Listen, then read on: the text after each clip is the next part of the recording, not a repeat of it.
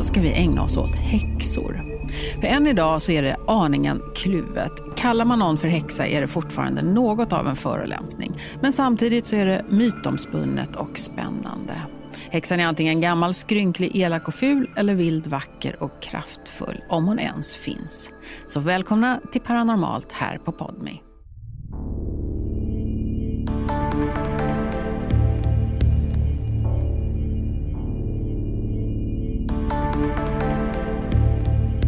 Så jag säger välkommen till en livslevande häxa, Veronica Näslund Koansa. Hej. Hej. Och religionshistorikern Fredrik Gregorius. Mm. Och du forskar om häxor? Bland annat, ja, precis. Var kommer det intresset ifrån? Så min forskning handlar framför allt om nyreligiösa fenomen och nyreligiösa rörelser. Så mitt intresse för häxkonst handlar om receptionen av häxkonst, alltså hur man har tolkat häxkonst genom tider, olika tider och i olika kulturer och hur vår moderna bild av häxkonsten har växt fram helt enkelt. När hör man talas om häxor första gången i historien? Det är väldigt svårt. Alltså dels har man att göra med vilket begrepp man använder. Men om vi tänker oss föreställningen om att det finns en grupp, oftast kvinnor, som ägnar sig åt någonting som skulle kunna uppfattas som svart magi eller socialt oaccepterat magiskt agerande. Då går det tillbaka till antiken, där det finns liksom föreställningar och berättelser om kvinnor som ägnade sig åt olika ritualer. Oftast är det romerska poeter och liknande som beskriver de här berättelserna. Det pratas om att det fanns kvinnor som kunde dra ner månen som då var ett uttryck för att de kunde kontrollera den naturliga världen omkring sig, att skapa en form av onaturlighet. Men det är liksom en paradoxalitet i det här också, för att de är oftast anknutna till en gudinna som heter Hekate, som var en grekisk gudinna. Så samtidigt, vid samma tid, så är också Hekate en central gudinna för nyplatonikerna, som är, liksom, som är det, den intellektuella eliten vid den här tiden. Så det skiljer sig åt från den kristna uppfattningen, de har allians med djävulen som är ett rent negativt begrepp. Mm. Och du Veronica, du är alltså en praktiserande häxa. Ja, det stämmer. Och vad innebär det? Hur lång tid har du? ja.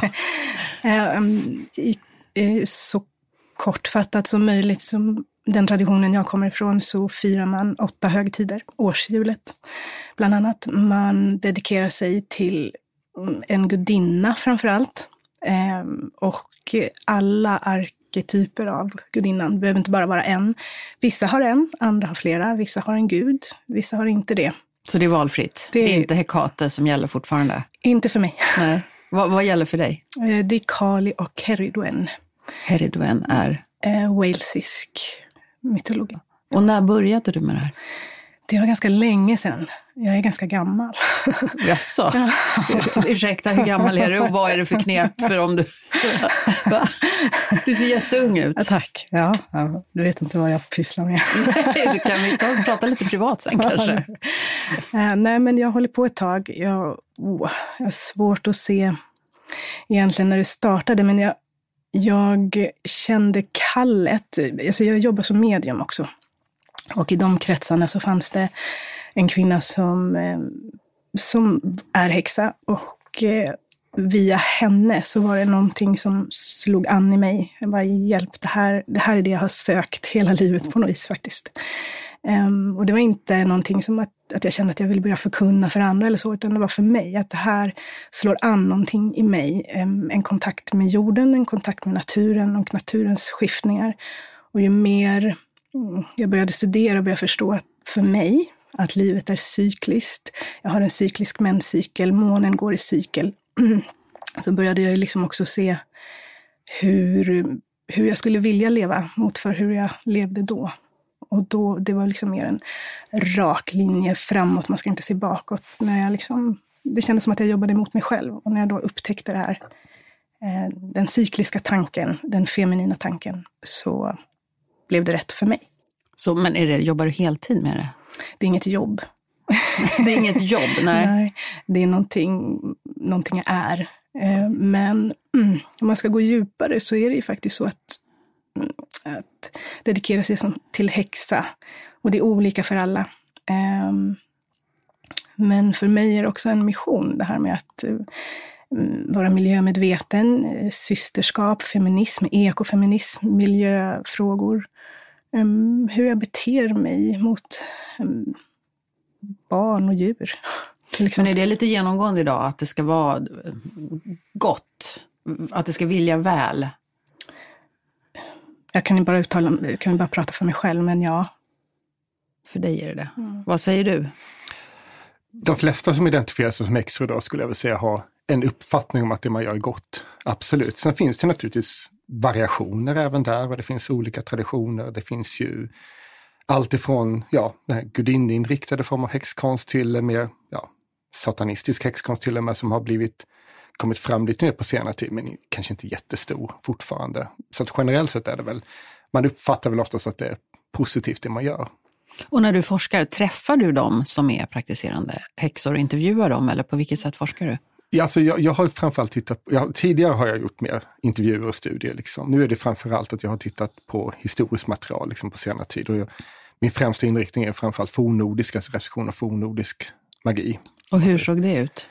Ja, det vet vi egentligen väldigt lite om hur det faktiskt såg ut. Eh, däremot har vi det, olika moderna tolkningar av det. Att man har försökt omtolka det på olika sätt.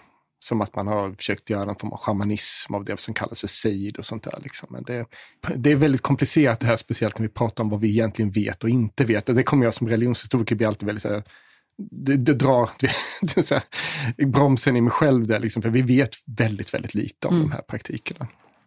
Ja, vad, vad, man tänker på i första hand är ju alla som brändes på bål och mm. eh, som blev anklagade. Ja.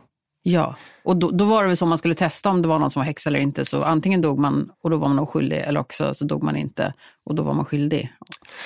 Det finns ju, det där är komplicerat också. Så här, egentligen. Ja, det finns ju de här berättelserna om att man skulle liksom kolla om någon drunknade Drunk, ja. eller inte. Liksom, så här. Och det finns ju olika beskrivningar. En del har varit att ja, drunknade man så var man oskyldig och som var alla. Liksom. Men det finns ju mycket som tyder på att det där kanske inte var så vanligt förekommande som man tror egentligen, utan att det mycket, väldigt mycket av det vi har idén om häxförföljelserna kommer ju från långt, långt senare egentligen. Alltså det är egentligen från 1800-talet väldigt mycket skrivs ner. Alltså, och då är det oftast utifrån ett upplysningsperspektiv och då vill man kritisera vad man uppfattar då som liksom primitiv vidskepelse och liksom att eh, man såg liksom exempelvis kristendomen som ett uttryck för den här formen av vidskepelse. Ja, för vilka år var det man, man brände häxor?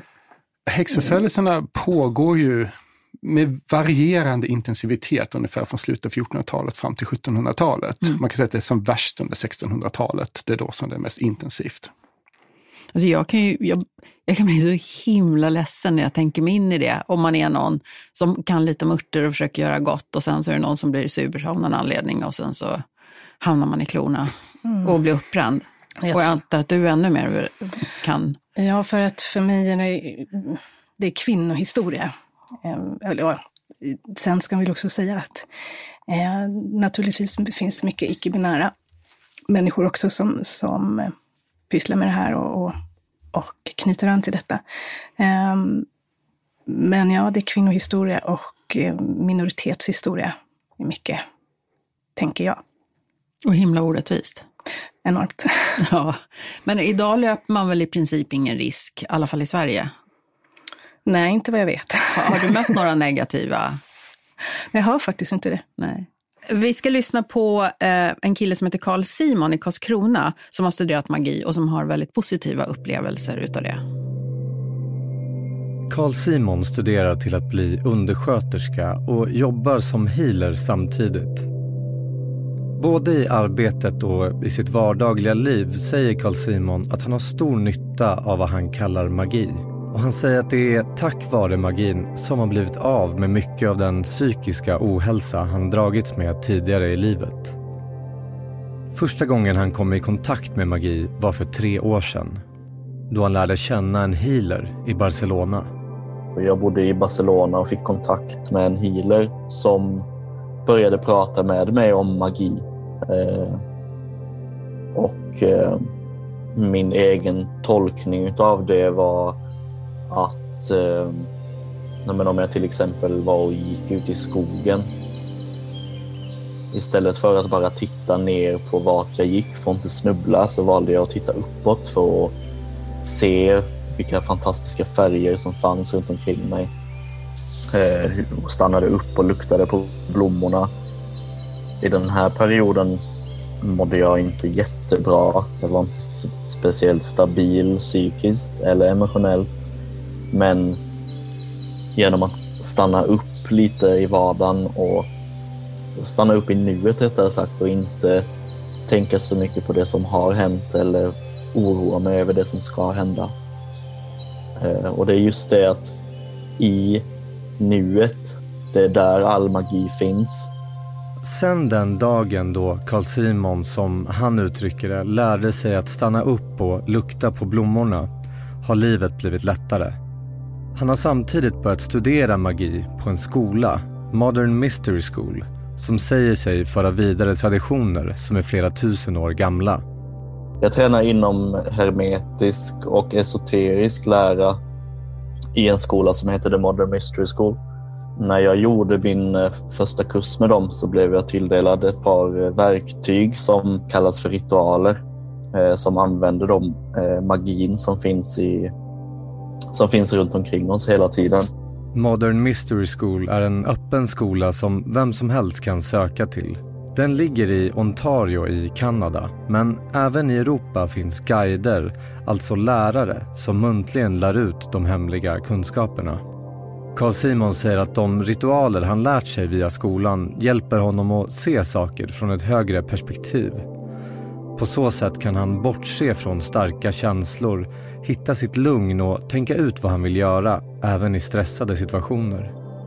Den lugna och trygga energi han känner i sitt eget hem kan han med magins hjälp ta med sig ut genom dörren.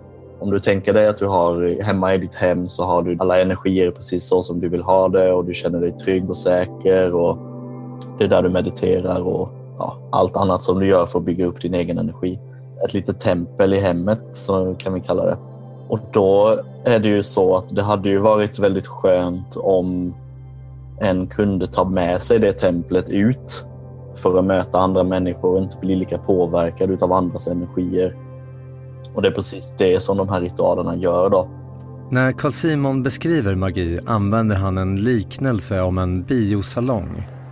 I det vanliga livet, när vi inte tänker så mycket på vad vi gör, så är vi med i filmen och har ingen kontroll.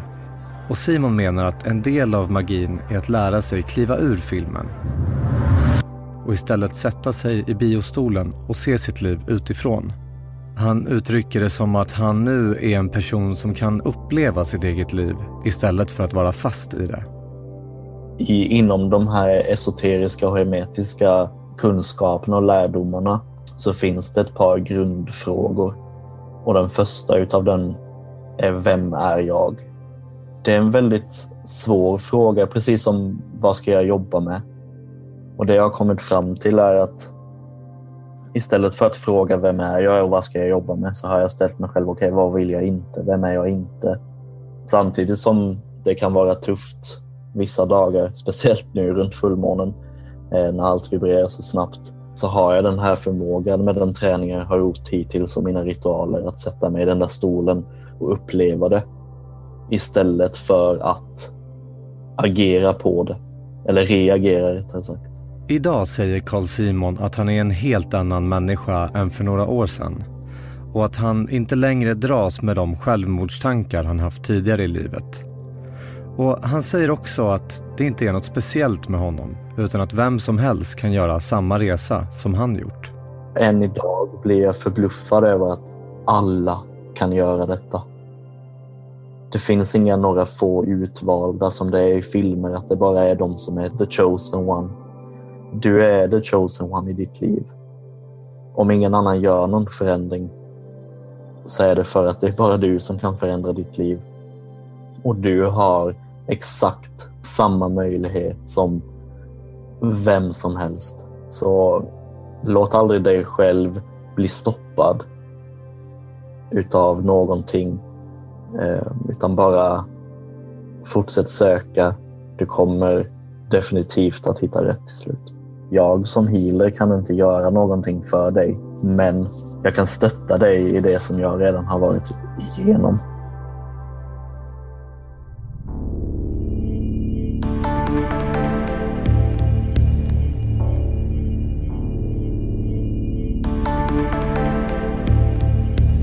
Ja, vad säger ni om det han berättar?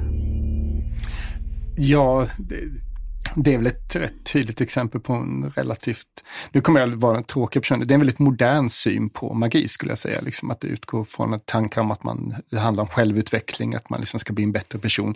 Det är historiskt sett någonting som är relativt nytt egentligen. Alltså, tidigare så handlar magi mer om rätt konkreta saker. Ja, för det här är ju ingenting övernaturligt. För mig Nej. är magi övernaturligt och det här är ju mer en fråga om perspektiv och närvaro.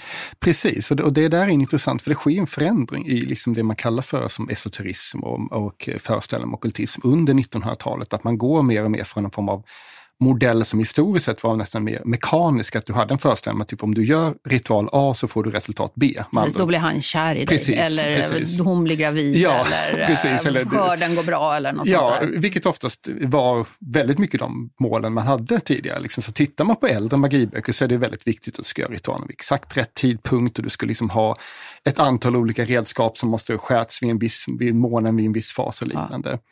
Men under 1900-talet så sker det en förändring, att man, det börjar psykologiseras och man börjar liksom inspiration från Carl Gustav Jung exempelvis med de här arketyperna.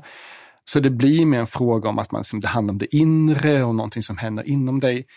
Eh, det här är intressant för det finns ju idag en, en rörelse inom både inom så här, ockulta rörelser och inom vissa former av häxkonst, där man liksom mer går tillbaka till den äldre formen av att se på magi. Där man liksom tagit inspiration från eh, och liknande, där man mer menar att man arbetar med konkreta andeväsen, alltså demoner, änglar, gudar. Och där man har gått bort från det psykologiska, där man menar att man måste konkret kunna göra förändringar. Man, man, vill åstadkomma någonting. Man vill åstadkomma någonting, precis. Ja. Uh, och ibland finns det stor inspiration från så kallade, vissa så kallade afrokaribiska traditioner som Santeria, Kimbanda och liknande. Som man har. Vad går de ut på? Är det mer åt voodoo-hållet? Ja, det är, alltså, ja alltså, det, det, är när besläktat till voodoo. Är, är det, liksom så här, det, är inte, det är inte exakt samma, det kommer från lite olika bakgrund. Men det, skillnaden är mellan den psykologiska och den här förklaringen är att man arbetar mer konkret med andar, alltså andeväsen och gudar på ett annat sätt än vad man gör inom den här mer psykologiserade formen. Ja. Vilken, vilken form använder du röv eller? Mm. Jag är, jag är ju nörd, jag läser in mig på mycket, så jag blev väldigt intresserad här när vi pratade om voodoo till exempel, som mm. faktiskt liknar väldigt mycket den nordiska mytologin. Att man ser andar i allt, man ser andar i stenar, i träd och småfolk. Eh, skillnaden med voodoo är väl kanske då att man, man också har tagit in delar av katolicismen så att man tillber helgon. Men, men eh, när du jobbar, ja. försöker du åstadkomma övernaturliga saker? Ibland. Ibland. Lyckas du någon gång? Ja. Berätta. Ja, jag har dragit till mig pengar när jag har behövt det. Det här, det här tycker jag också är en, en väldigt intressant fråga, för det går ihop med det här med psykologi till exempel. Att, eh, jag har fått frågan sådär, ja men om du nu är häxa, varför har du inte ett stort slott och en Lamborghini. Och du kanske inte vill ha det? Massa älskare. Nej, det är ju det. Ja. Någonstans. För att eh, vi pratar om, inom häxvärlden så pratar vi om någonting som heter shadow work. Jag tror han nämnde det också, det här med att titta på sig själv och vad har jag för behov. Men om du nu skulle dra till dig pengar då, för det var du, du själv mm. som tog upp det. Ja. Alltså jag, innan, nu, nu vet jag inte varför min hjärna hoppar så mycket, men man, så här, vem är rikast? Ja, det tycker jag, det är den som är nöjd. Exakt. Den som tycker att den har tillräckligt. Ja. Den är ju rikast. Exakt. Och det, har, tycker man det så spelar det ingen roll hur mycket man har, tycker man inte det Nej. så spelar det ingen roll heller. Nej. Det var bara en liten passus. Okej. Okay. Eh, men det var du som först sa att, att du drog till dig pengar. Hur har du gjort då? Ja, men då har jag gått igenom ganska, som du nämnde, ganska äldre ritualer. Eh, mycket från Wicca och Aleister Crowleys eh, arbete. Han är stor magiker.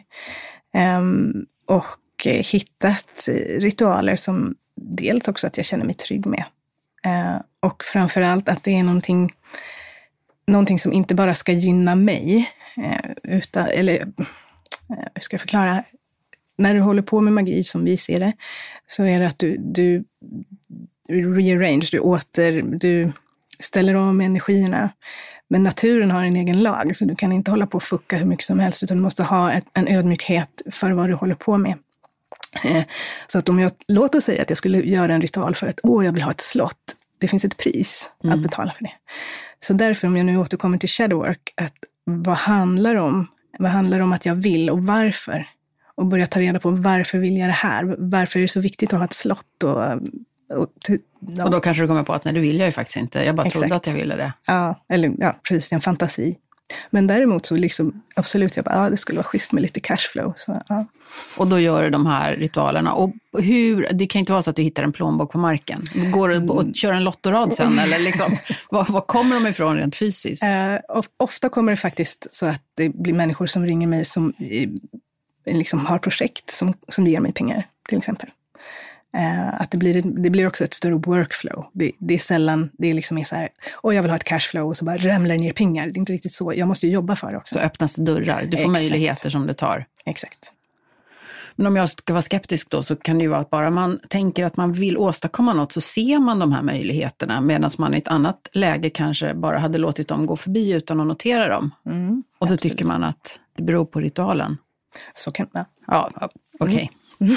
Eh, hur, hur många häxor finns det i Sverige idag, tror du, Fredrik? Det är omöjligt att svara på. Alltså på grund av att det är så himla också, det har blivit en sån vag term. Alltså det har blivit populärt idag. Liksom att, eh, hade man tidigare så var det mycket mer häxkonst associerat med wicca, alltså mm. historiskt sett liksom i Sverige. Idag är det mer brett och blivit en identitet bland väldigt många unga. Så jag skulle säga att, ja, att Alltså det blir spekulativt, men tusental personer absolut tror jag. Liksom, av, tro, alltså, mer, alltså, så är det nog definitivt. Sen är det inte lika många som organiserade grupper, det är det absolut inte. Men eh, det är Nej. samma sak som i USA, att majoriteten är troligen icke-organiserade. Hur många skolor finns det då? För han, eh, Carl Simon pratade om en specifik utbildning. Mm. Jag vet inte. Nej. Finns det någon certifiering? Ja, det finns. Eh, jag har gått en. Och det, är, det är egentligen mer inte så här, det är inte så att jag blir så här, superinitierad i någon eh, eh, cloak, vad heter det? Ja, Mantel. Eh, så där, utan det handlar om att, man, att jag blir presenterad de här verktygen och att jag också tar ansvar för hur jag använder dem. Jag kan tänka mig, han, eh, Carl Simon sa ju att han inte var i riktigt bra balans när han började med det här. Att, att det kan vara många som attraheras av den här vägen under en period. Och sen så liksom tappar man det lite när man mår bättre och får andra saker att pyssla med? Demografiskt sett så stämmer inte det riktigt. Det inte? Nej, utan tittar man på människor som dras till esoteriska och kulta rörelser, det tenderar att vara normala människor. Väldigt många dras in i det när man är student, alltså relativt ung, men det kan komma under hela tiden. Det vi vet utifrån de få undersökningar som finns, som framförallt handlar om USA, så är det oftast relativt välutbildade mm. människor från medelklassbakgrund oftast från en sekulär bakgrund. I USA är det en protestantisk och judisk sekulär bakgrund som är dominerande, men det skiftar relativt mycket. Jag skulle säga att de människor jag träffat har varit väldigt varierande personer, alltså hur de har mått psykiskt och även hur de har varit liksom som personer. Många har mått väldigt, väldigt bra. Vad spännande. Mm. Jag tänker när det gäller just att vara medial, så är det många som är det från barndom och en bit upp i tonåren och sen av olika skäl så tappar de eller tar avstånd från det och så kanske bildar familj och jobbar och sen 40-50 års åldern tar, tar upp det igen när, när liksom all snurr har lugnat ner sig. Men det kanske inte är samma sak då för häxerier? Det beror, det beror på. Alltså, det finns absolut en tendens till att folk alltså, blir mer passiva under en viss period i sina liv. Alltså det, man pratar ibland om en, att det är mer som en miljö. Alltså typ exempelvis, det, det, du har oftast kontakt fortfarande med folk även om du inte är jätteaktiv under hela tiden. Men jag skulle säga att så som det har utvecklats, både den bredare esoteriska och den hedniska och den häxkonstmiljön, om man får kalla det så, så det, det är inte alls ovanligt att du hittar folk som har familj, som har karriär och sånt där som, som fortsätter ungefär som du är en kristen och går i kyrkan varje söndag. Så har du kvar en, ett ben, en fot i den precis, världen? Liksom, så att ja. det, är inget, det är egentligen inget konstigt, det har blivit mer och mer normaliserat på många sätt och vis. Alltså, vilket, ja, på gott och ont naturligtvis. Alltså, det, det är klart att det blir lite mm. mer medelklassartat också naturligtvis, ju mer det blir eh, institutionaliserat. Men det, det är förvånansvärt normala människor som dras till det här. Vi ska lyssna på ett annat inslag, Monica i Gävle och hennes upplevelse av att använda en pendel. Monica är uppvuxen i Jämtland med en mormor som var nöjd, en samisk shaman. Monicas mamma ärvde också en del av mormors kunskaper men Monica själv hann aldrig lära sig av sina äldre släktingar. När jag var ung så ville inte jag höra talas om det där utan slog ifrån mig. Och när jag kom upp i 25-årsåldern, när både min mormor och min mor var borta, då ångrar jag mig att jag inte tog reda på vetskapen. För mormor hon kunde stämma blod och de ringde till och med från lasarettet dit i Trondheim och hon stämde blod via telefon. Hon, hon läste någon ramsa och, och, och fick blod att stoppa. Och den kunskapen skulle jag vilja ha, men det har jag tyvärr inte. Att stämma blod är en metod i gammal folktro som innebär att man genom att mässa vissa hemliga ramsor kan få kraftiga blödningar att upphöra. Förmågan sägs ärvas från en person till en annan men just den förmågan ärvde inte Monica. Däremot upptäckte Monica att hon ändå hade ärvt vissa kunskaper. Hon berättar att hon kan se människor som har gått bort. Hon hjälper till att rena hus och hon kan använda sin energi för att få människor att må bättre. Men mest nytta har hon av sin pendel som hon använder för att hitta försvunna föremål och djur. Jag varit intresserad av pendeln. Jag var i 30-årsåldern. Så jag skaffade mig en pendel. Men det fungerade inte som det skulle. Och då kom jag på att jag renade aldrig min pendel och det måste man göra. För att när man köper en pendel så är det massor med olika människor som har tagit i den. Och då får man en massa kanske negativa strålningar i den. Så jag renade den genom att lägga den i saltvattnet ett dygn och sen la jag den i fönsterbrädan ett dygn då, innan jag kunde börja använda den. Den gav utslag till mig. En ritual gör jag som så att jag tänder ett ljus och så tar jag fram min pendel och så sitter jag med pendeln och frågar den om olika saker och får svar via pendeln. Och det är liksom en ritual för att ja, hitta på saker och ting. Jag kan till exempel använda pendeln för att leta efter vatten. Jag kan använda pendeln och leta efter försvunna saker. Om vi säger ett försvunnet djur så kan jag ta en kartbild över där hunden har försvunnit då. och så gå med pendeln och sitta och blunda. Och då brukar pendeln visa ungefär var man ska söka någonstans. Oftast kommer Monikas pendel till användning för att hitta just försvunna djur och då är det vänner och bekanta som hör av sig för att få hjälp med att hitta dem. Jag har hjälpt tre stycken. Den ena var en jämthund som försvann uppe i Offerdal. Det var bekanta till mig så de frågade om jag kunde hjälpa för de visste ju vad jag höll på med. Och då så sa jag det, jag försvann hunden och sen jag berättade om var den försvann upp på Heda. Så då tog jag fram karta och så satt jag där och blundade och så fick jag pendeln till att stanna jag kände hur han började rotera och så stannade han. Och då tittade jag och så hittade jag platsen då som den stannade på. Så då ringde jag upp och så sa jag till min bekante att hörru du, ta och åk och leta där uppe på hygget. Där, där har du nog hund. Och där var han. Trots att Monica flera gånger lyckats hitta försvunna djur och föremål kan hon inte riktigt förklara hur det går till. Även för henne själv är det ett mysterium jag ser, jag kan inte förklara liksom en inre bild. Så, så kan jag se den där kartbilden och jag kan se hunden och allting. Jag, jag vet inte hur det fungerar riktigt. Men fungerar gör det. Eftersom Monica aldrig hann lära sig av sin mamma eller mormor har hon framförallt fått lära sig själv att utföra de ritualer hon nu kan. Hon säger själv att det kan vara farligt att syssla med ritualer om man inte förstår vad det är man gör. Men själv har hon inte haft några problem. Pendeln det har jag fått lära mig själv helt och hållet. Och det här, här med att eh, se saker och ting och känna av saker och ting och göra husreningar och sånt. Det har jag lärt mig själv. Det har jag lärt mig helt själv. Och jag vet att jag träffade på en som sa åt mig att jag skulle inte syssla med sånt där för jag visste inte vad jag gav mig in på. Men det vet jag. Jag vet vad jag gav mig in på. Och jag har inte haft några negativa verkningar av det efteråt. Så man, man måste ju skydda sig själv också som det heter. Monica säger att hon är tacksam för sin gåva och att hon vill dela med sig av den utan att ta betalt för den. Både för andras och för sin egen skull. Så länge du har gåvan så ska du inte ta betalt utan någon. För ju mer du tar betalt, ju mer försvinner gåvan från dig och det stämmer. Det stämmer.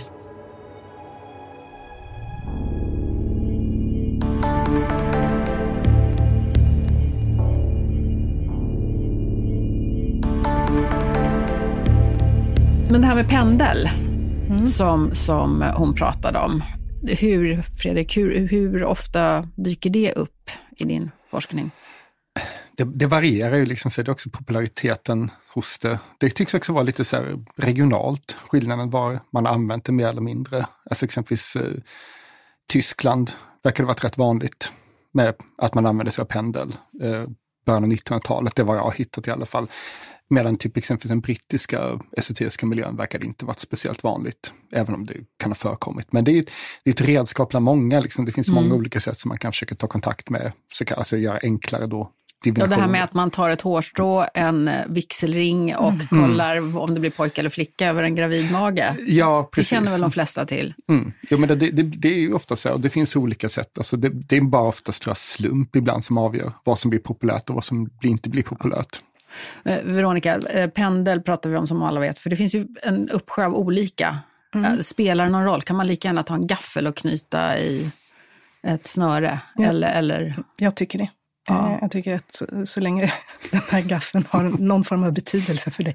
Ja. Menar, det är väldigt svårt att navigera i det där tycker jag, för det finns en uppsjö av pendlar som du kan köpa på nätet eller på, och det är kristaller och det är mineraler och, och vad ska vara det ena och vad ska vara det andra. Um, och plus att då det här med kristallindustrin är ju, ja, det, usch. Den är lite skövlande va? Den är lite skövlande. Man blir lite ledsen när man tänker, inser ja. det, att de där var någonstans där de kanske skulle vara. Och nu ligger de splittrade i olika affärer eller byrålådor. Ja, och dels att det, barn utnyttjas i arbete. Eh, och då, blir, då kan jag själv bli så här, äh, jag hittar en sten som en. Knapp. Ja, om det ska betyda något för mig. Ja. Jag fick en, fick en pendel, och jag gick en sån här pendelkurs. Jag, var, jag vet inte hur gammal jag var, 30 kanske. Ja. Eh, och den har jag kvar.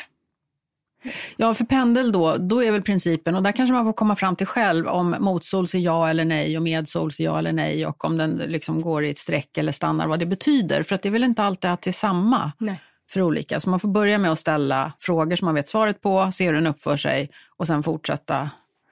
Eller? Ja, och som Monica sa, alltså, det är nog bra att rena den tycker jag.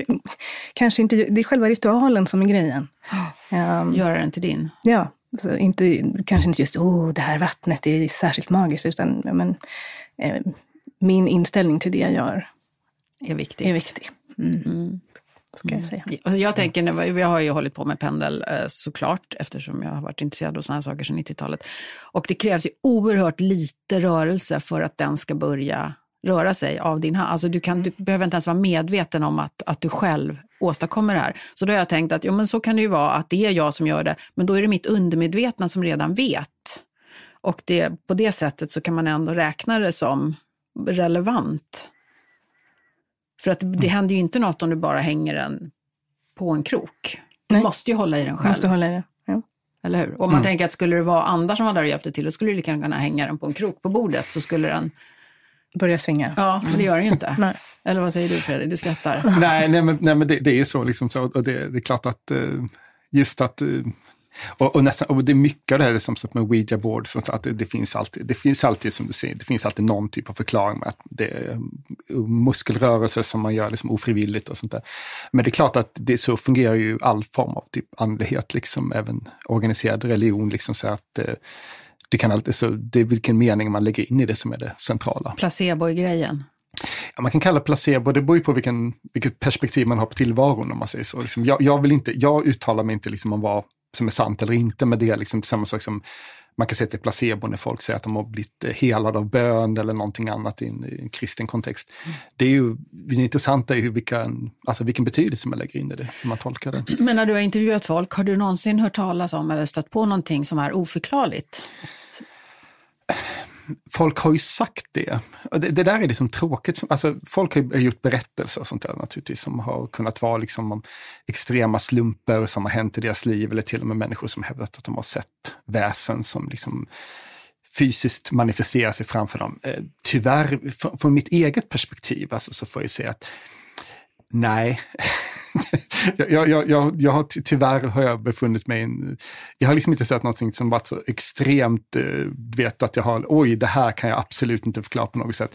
Det har varit vissa saker jag sett i, ja, typ när jag varit i Västafrika som har varit svårförklarliga. Liksom. Märkliga. Märkliga, mm. absolut. Mm. Men jag vet inte om jag skulle säga, det, det finns säkert en förklaring till det också, men, men tyvärr, alltså det har alltid varit min frustration att jag känner att jag skulle gärna se mer av det här, liksom, om, mm. om det nu finns.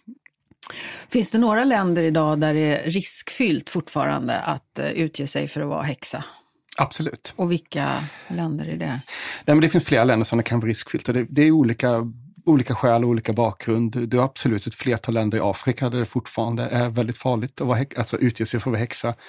Där det finns liksom äldre traditioner. Ibland kan det vara påverkat av islam, kristendomen, men det kan också vara äldre folkliga traditioner. Det häxkonst historiskt sett har sett som väldigt, väldigt negativt. Det kan också uppkomma konflikter där med, du har exempelvis en Wicca finns även i Afrika naturligtvis, och ibland, ja man använder ordet eh, häxa ibland och det kan skapa konflikter och det kan skapa problem. På samma sätt har man delar av Sydamerika, Indien, eh, del av Östeuropa, alltså, så absolut är det, det finns starka föreställningar fortfarande kvar om häxkonst. Där kan det fortfarande vara farligt.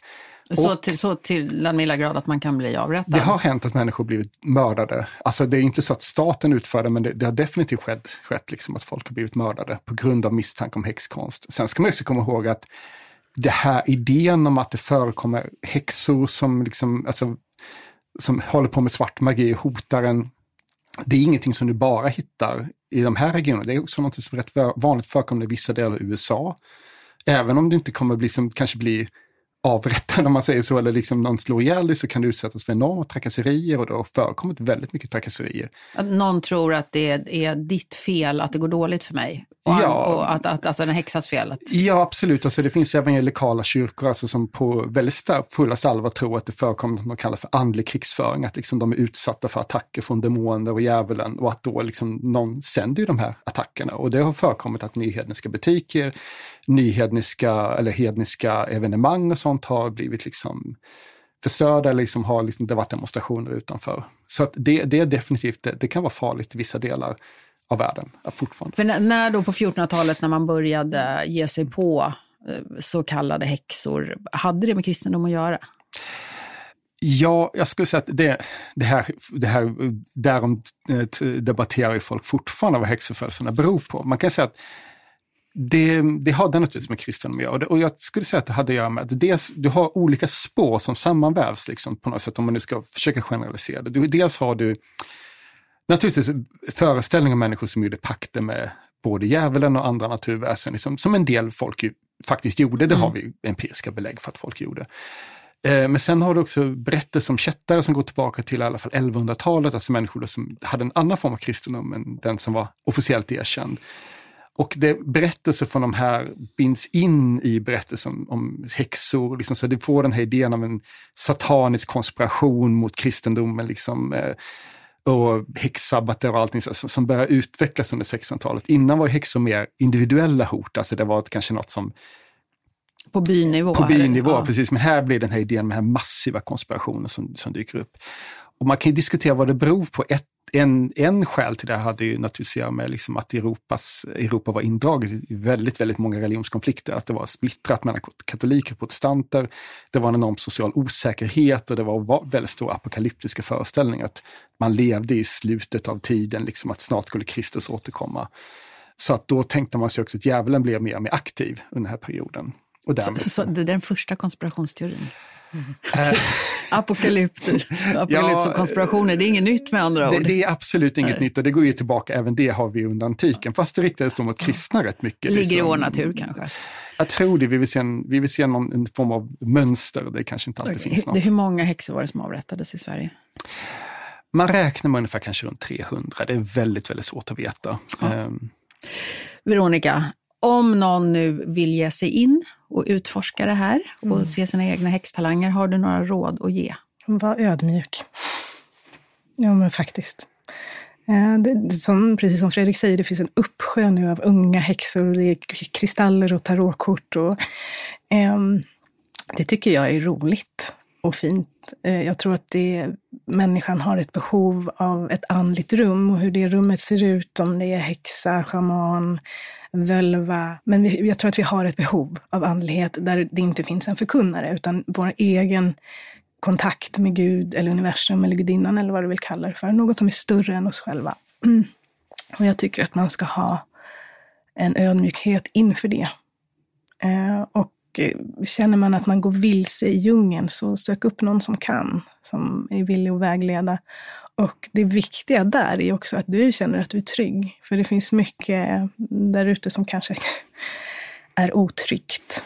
Mm. Mm. Har, har du något råd? Nej, men jag, jag håller med dina råd där. Liksom, jag tror att eh, det, det här är en trend nu. Liksom, och jag, tycker ofta, jag tycker den är jätterolig också, men jag tycker att det är väldigt positivt att se liksom, många av de här unga tjejerna på TikTok och Instagram är oftast förvånansvärt pålästa. Det ska man komma ihåg. Alltså, de, är, de kan sin historia, de liksom har väldigt mycket referensramar. Liksom. Men det jag skulle säga också, ja, att eh, ger man sig in i en sån här miljö, den är inte, absolut inte farligare än någon annan miljö. Det, liksom, det, är absolut, det kan till och med många gånger vara säkrare, men man ska vara trygg i sig själv, och man ska veta vad man vill och man ska inte låta andra människor utnyttja en. Det är väl om något grundläggande råd jag skulle säga. Det finns, det finns personer i alla sociala sammanhang som kan vara destruktiva. Jag tror att det här är en lugnare miljö, men, men sådana saker är väl mitt grundläggande råd. Mm. Respekt, ödmjukhet, följsamhet. Balans. Balans. är bra. Okej, det var allt för den här gången. Det var väldigt roligt att ha er här. Tack så hemskt mycket Veronica och Fredrik för att ni kom. Tack. Kul att ni som har lyssnat har lyssnat. Hej då!